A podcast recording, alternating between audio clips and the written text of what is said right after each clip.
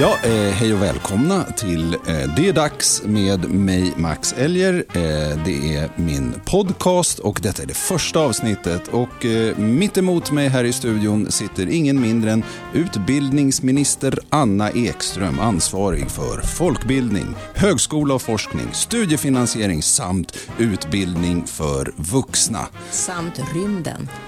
Ej att förglömma. Minister of Everything på engelska eh, har vi just konstaterat. Men eh, detta är det första avsnittet. Det är roligt att ha Anna här. Det är roligt att ha mig själv här.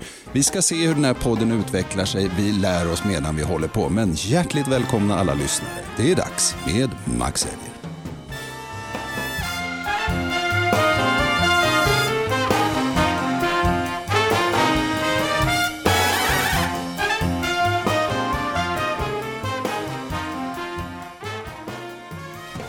Jag sa i introduktionen. Eh, Jag gästas idag för första gången och eh, enda gången i denna podd av eh, utbildningsminister Anna Ekström. Jag kommer att raskt presentera dig med några snabba frågor. Vad är ditt fullständiga namn? Anna, Elsa, Gunilla, Ekström. Vad hade du för favoritämne i skolan? Historia.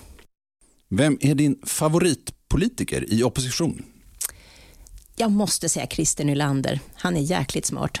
Absolut. Vad lyssnar du helst på i hörlurarna? Shostakovich. Det var värst. Något Ja, särskilt? Någon ska göra det. Leningradsymfonin. Om jag verkligen tycker att livet är lite jobbigt så kommer jag ihåg att det fanns de som hade det värre. Ja, det måste man faktiskt komma ihåg när man lyssnar på detta. Han satt där och skrev, eller hur? Han satt där och skrev. Fem år. Nej, fem år vet jag inte, men lång, lång tid. Ja, det var en dyster tid.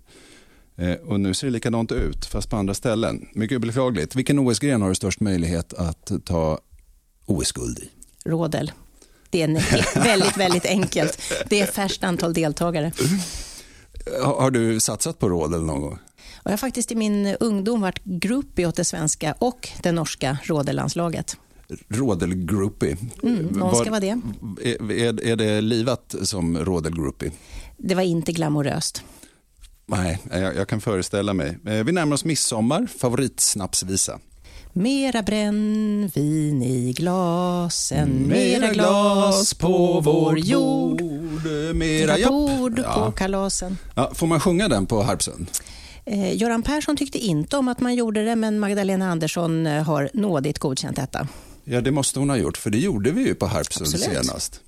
Harpsund senast, eh, det hände mycket spännande. Eh, Det var ett förnedrande ögonblick. Berätta vem som vann quizet. Eh, Det var nog jag. Ja, det var ju så. Vad var, liksom, vad var din eh, särskilda kunskap som gjorde att du bröt igenom vallen? Min claim to fame är att jag har jobbat med Magdalena Andersson under många år. Så att eh, jag har en eh, kvantitativ stor kunskap om olika intressen hon har haft genom årtiondena. Ja, jag, jag hävdar att jag också har jobbat med henne i många år. Jag hävdar att du är bättre på eh, europeiska kvinnliga regeringschefer än Mycket, jag. mycket bättre. Jag vill ha till protokollet också att jag fick lika många rätt som Magdalena Andersson själv. Det eh, kan jag väl tänka mig och eh, jag fick något färre rätt. Ehm, Och jag ska inte säga varför, mer än att jag inte kunde lika mycket som utbildningsminister. Men det säger sig nästan självt. Hon kan ju mycket. Apropå din relation med Magdalena Andersson, det spelades in en liten film när hon blev partiordförande där hon skulle presenteras och du blev intervjuad. Eh, då sa du att hon säger aldrig nej till ett tyskt skämt. Vad är ett tyskt skämt? Ja, men till exempel är det det här med att ha varit rådelgrupp och åkt runt i Alperna. Eh, det är ju så att Magdalena och jag har ju många saker gemensamt, men en av de sakerna vi har är att när vi var unga så ja, vi hängde rätt mycket i Tyskland, i Wien där Magda pluggade. Och eh, ja, vi tycker att eh, vi har många roliga minnen från den tiden. Jag tror att de som bor i Wien inte skulle säga att det är en del av Tyskland. Det har, du, det har du rätt i. Men du kan inte säga emot att man i Österrike och även i Wien talar språket tyska. Det gör man onekligen, absolut. Jag hoppas att den här podden inte översätts nu och skickas via ambassadvägar till... Ja.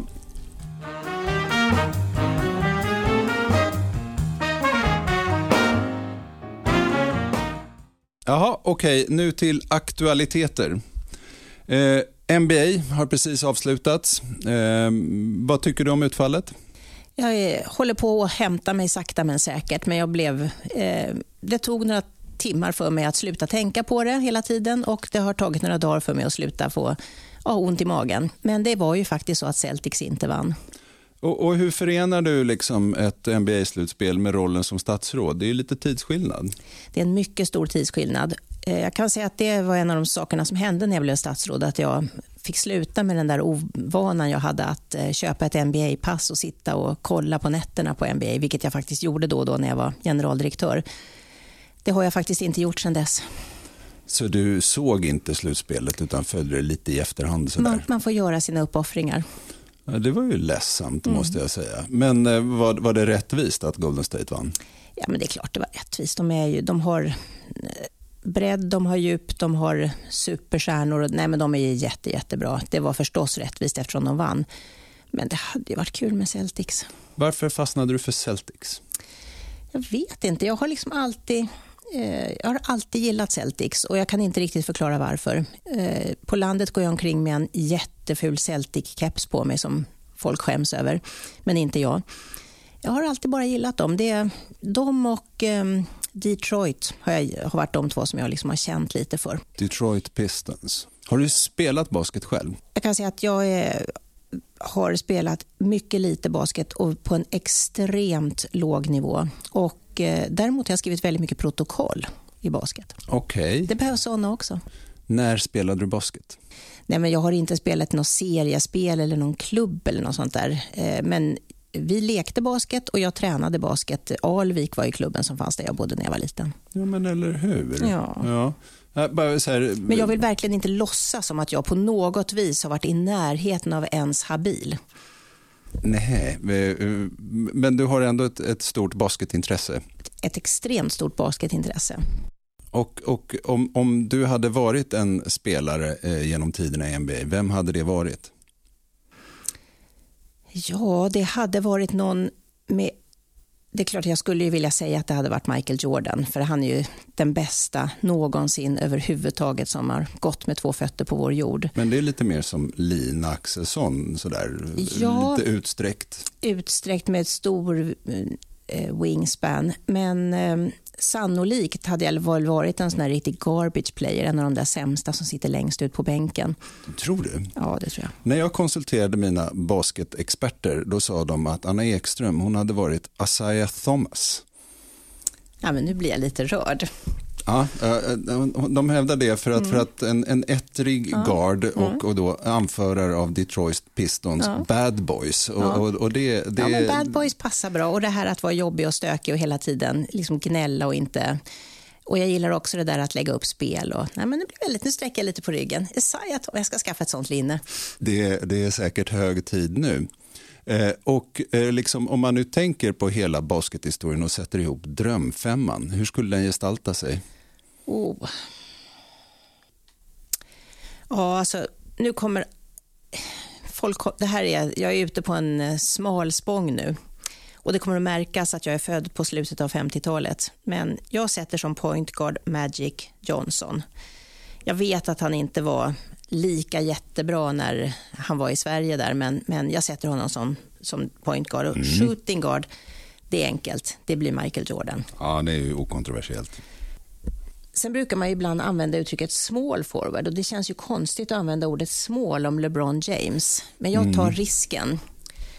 Eh, det är en person som ju, alltså det, han är ju frukt fruktansvärt bra. Och hur man kan vara så atletisk när man är så stor övergår mitt förstånd. Ja, jag tycker fortfarande att det här låter okontroversiellt mm. och någonting som de flesta basketkännare kan skriva under på. Men nu kommer jag få stryk. För jag sätter som power forward Tim Duncan. Och det skulle nog inte alla göra i hela världen. Mina källor gör detsamma. En del av mitt hjärta säger eh, Dwight Howard, men nej, det blir Duncan. Och sen mm. centern. Många menar ju att Bill Russell är, är bäst i den positionen. Ja. Ja, men det är ju en fantastisk femma och, och du är väl i linje med mina basketexperter. Ja, och det gäller ju faktiskt att bygga ett lag också. Det gör det. Mm. Och det kunde både Golden State och Boston Celtics. Och kära sunkiga Detroit Pistons.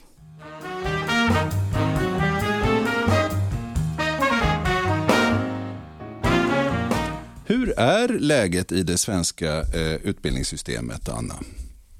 Jo, tack som frågar. Det är bra. Vi är ju vana vid att se vår, hela vårt utbildningsväsende som vi diskuterade i kritiska termer. Men eh, det är bara att konstatera att när det gäller till exempel investeringar i forskning, då ligger Sverige på första plats i EU, fjärde plats i världen.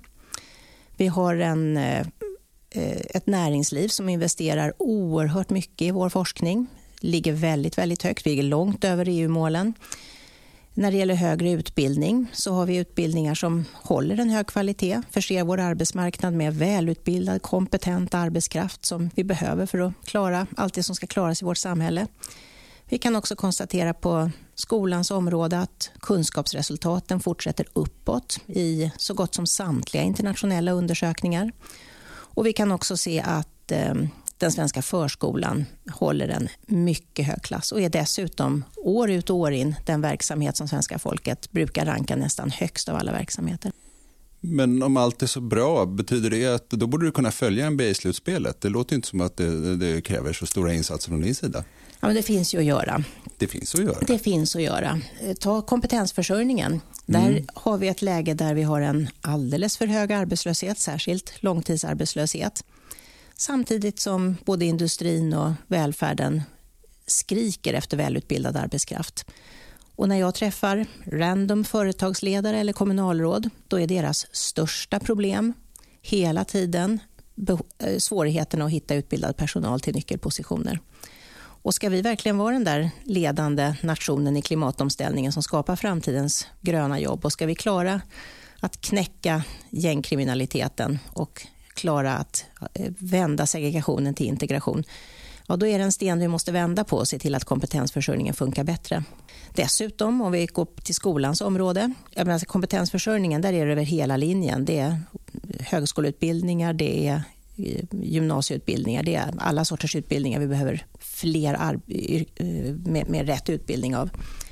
Men tittar vi sen på grundskolan så ser vi en skenande utveckling där likvärdigheten försämras och där marknadskrafter tillåts eh, spela på ett sätt med vår skola som de mycket väl skulle kunna få göra med Coca-Cola-fabriker och annat som passar på en marknad. Men den svenska skolan passar inte på en marknad. Det har vi sett efter de här åren.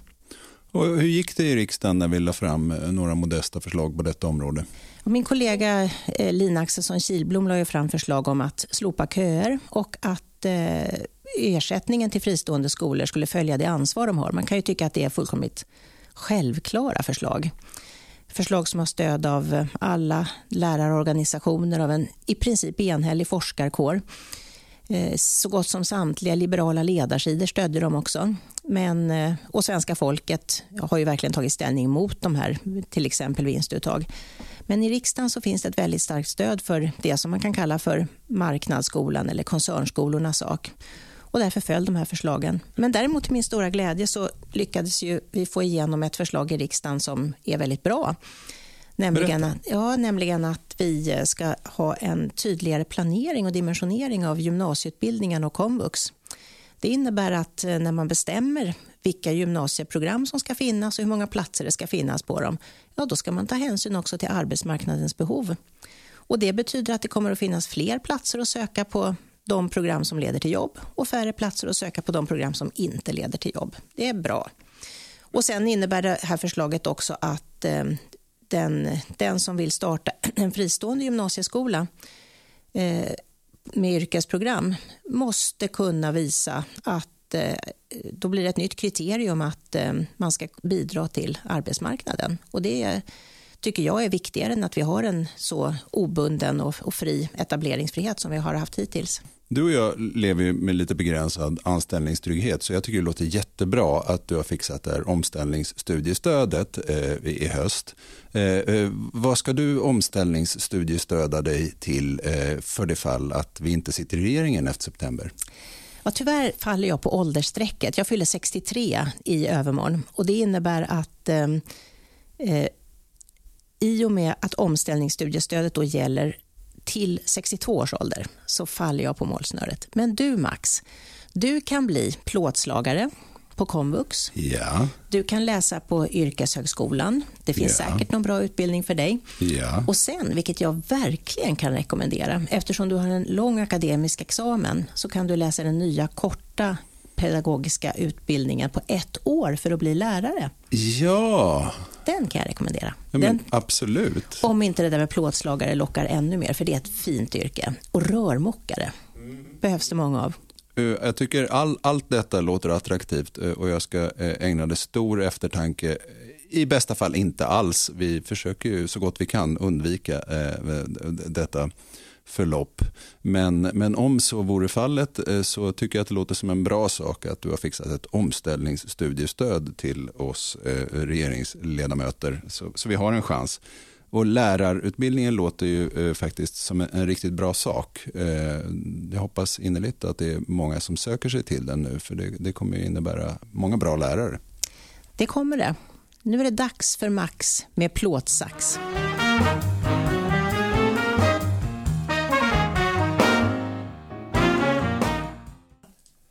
Jaha. Riksdagen jaha. röstar ja, där ser man. Okej. Eh, Habemus eh, extra ändringsbudget. Detta sker eh, medan vi poddar och då kan ni som är väldigt intresserade av politik räkna ut exakt vad klockan är.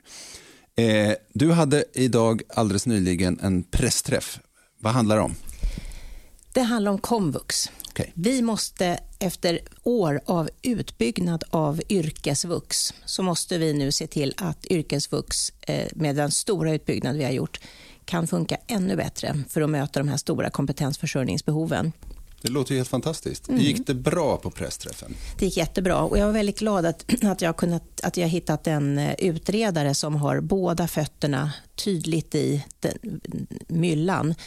Eh, kommunalrådet Elof Hansjons från Södertälje som i 11 års tid har varit kommunalråd och jobbat med mycket med vuxenutbildning. Och är det någon som kan mycket om kompetensförsörjning till stora industrier som Scania och AstraZeneca men som också kan mycket om integration av nyanlända kvinnor, ja då är det Elof. Absolut. Går, går det alltid bra på dina pressträffar? Eh, Det går för det mesta bra på mina pressträffar. Jag kan tänka mig det. Har du, har du någon där det inte gick bra? Alltså, som alla statsråd så har jag varit med om eh, eh, att eh, en gång har jag till och med fått yttra de klassiska orden en inställd pressträff är också en pressträff.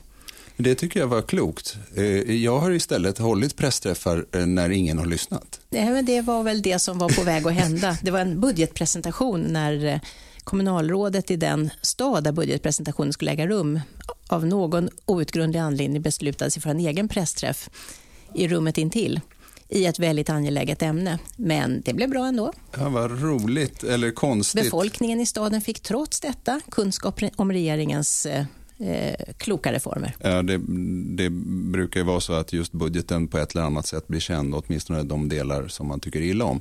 Eh, men eh, jag tycker ändå det var klokt att, att ställa in pressträffen. Jag, jag höll istället en pressträff. Det var min första pressträff och jag tänkte att det här med att hålla pressträffar, det, det, Det var väl en bra träning då?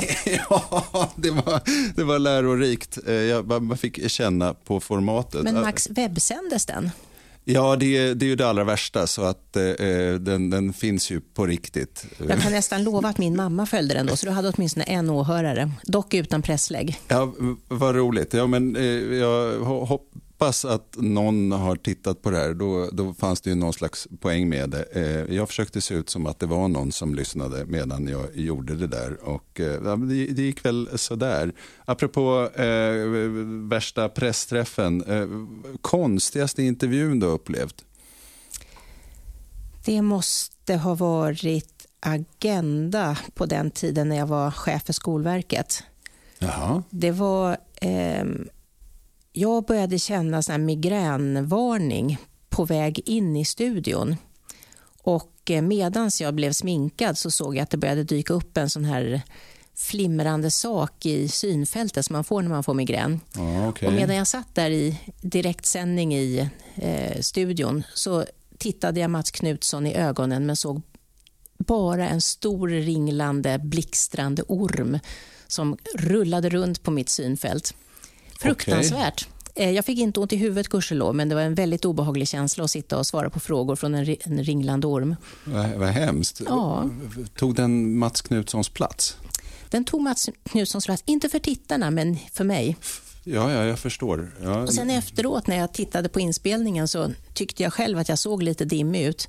Men min mamma tyckte jag såg ut som vanligt. Jag vet inte om det var bra eller dåligt. Min, min egen konstigaste intervju det var eh, alldeles i början. Jag blev kontaktad av eh, en, en tv-kanal faktiskt. Och vi skulle prata igenom eh, en fråga på konsumentområdet. Och jag behärskade inte frågan och journalisten behärskade inte frågan. Så, så första frågan var vilken fråga ska jag ställa? Och, och första svaret var jag, jag måste ringa inte. mina tjänstemän.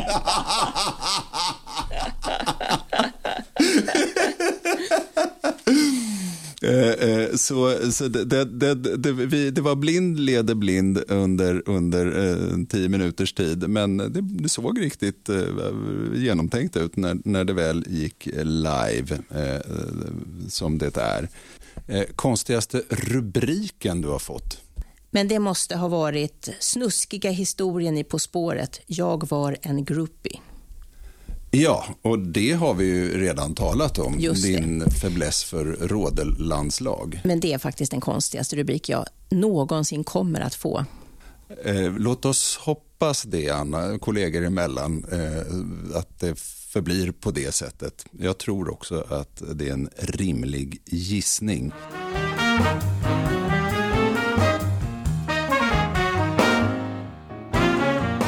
Eh, vi sågs alldeles nyss på regeringslunchen. Vad äter du helst där?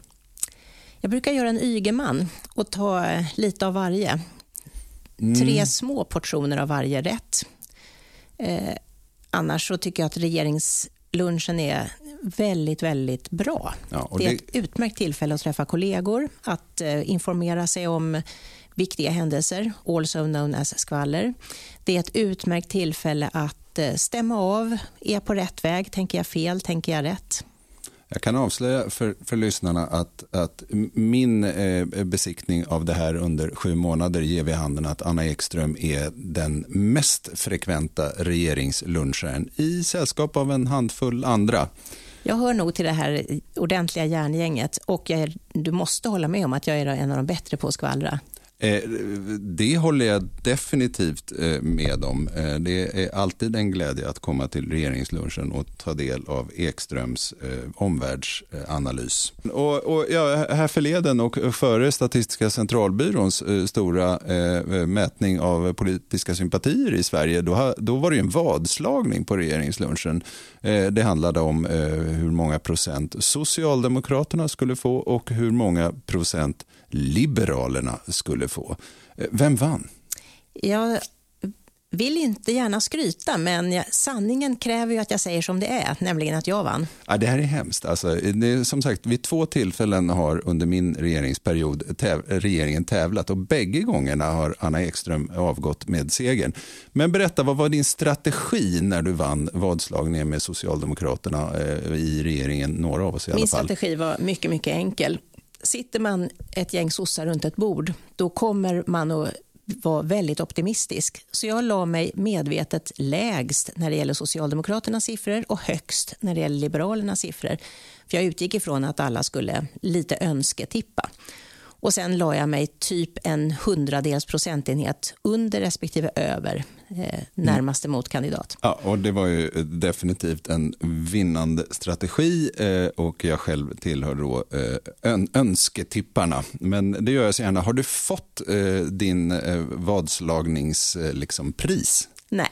Har du inte fått det? Nej, men det viktiga är inte prylarna. Det viktiga är faktiskt äran och framför allt att man ser att de andra förlorar. Ja, jag ska tala med statsrådet Ygeman som var liksom eh, bookmaker här. Men, men säg, att, säg inget till Shekarabi bara, han är ansvarig för spelpolitiken. Nej, det är inte det. säkert att det är okej. Okay. han deltog heller inte, det, det är viktigt, han deltog inte i denna vadslagning.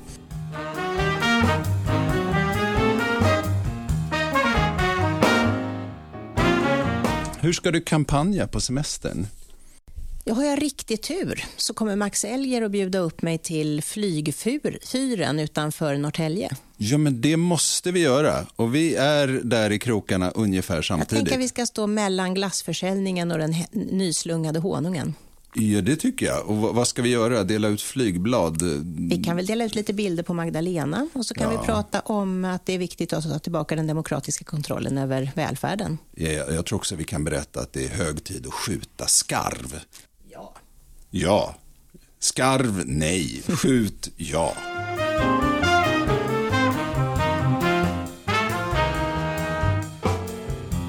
Eh, så tack så hemskt mycket för att ni har lyssnat på Det är dags med Max Elger för dagen gästad av Anna Ekström. Detta var vårt första avsnitt och innan jag avslutar detta, du som håller på med utbildning och betyg, hur skulle du betygsätta podden Det är dags med Max Elger? Ja, med skalan 1 till 5, en klar femma.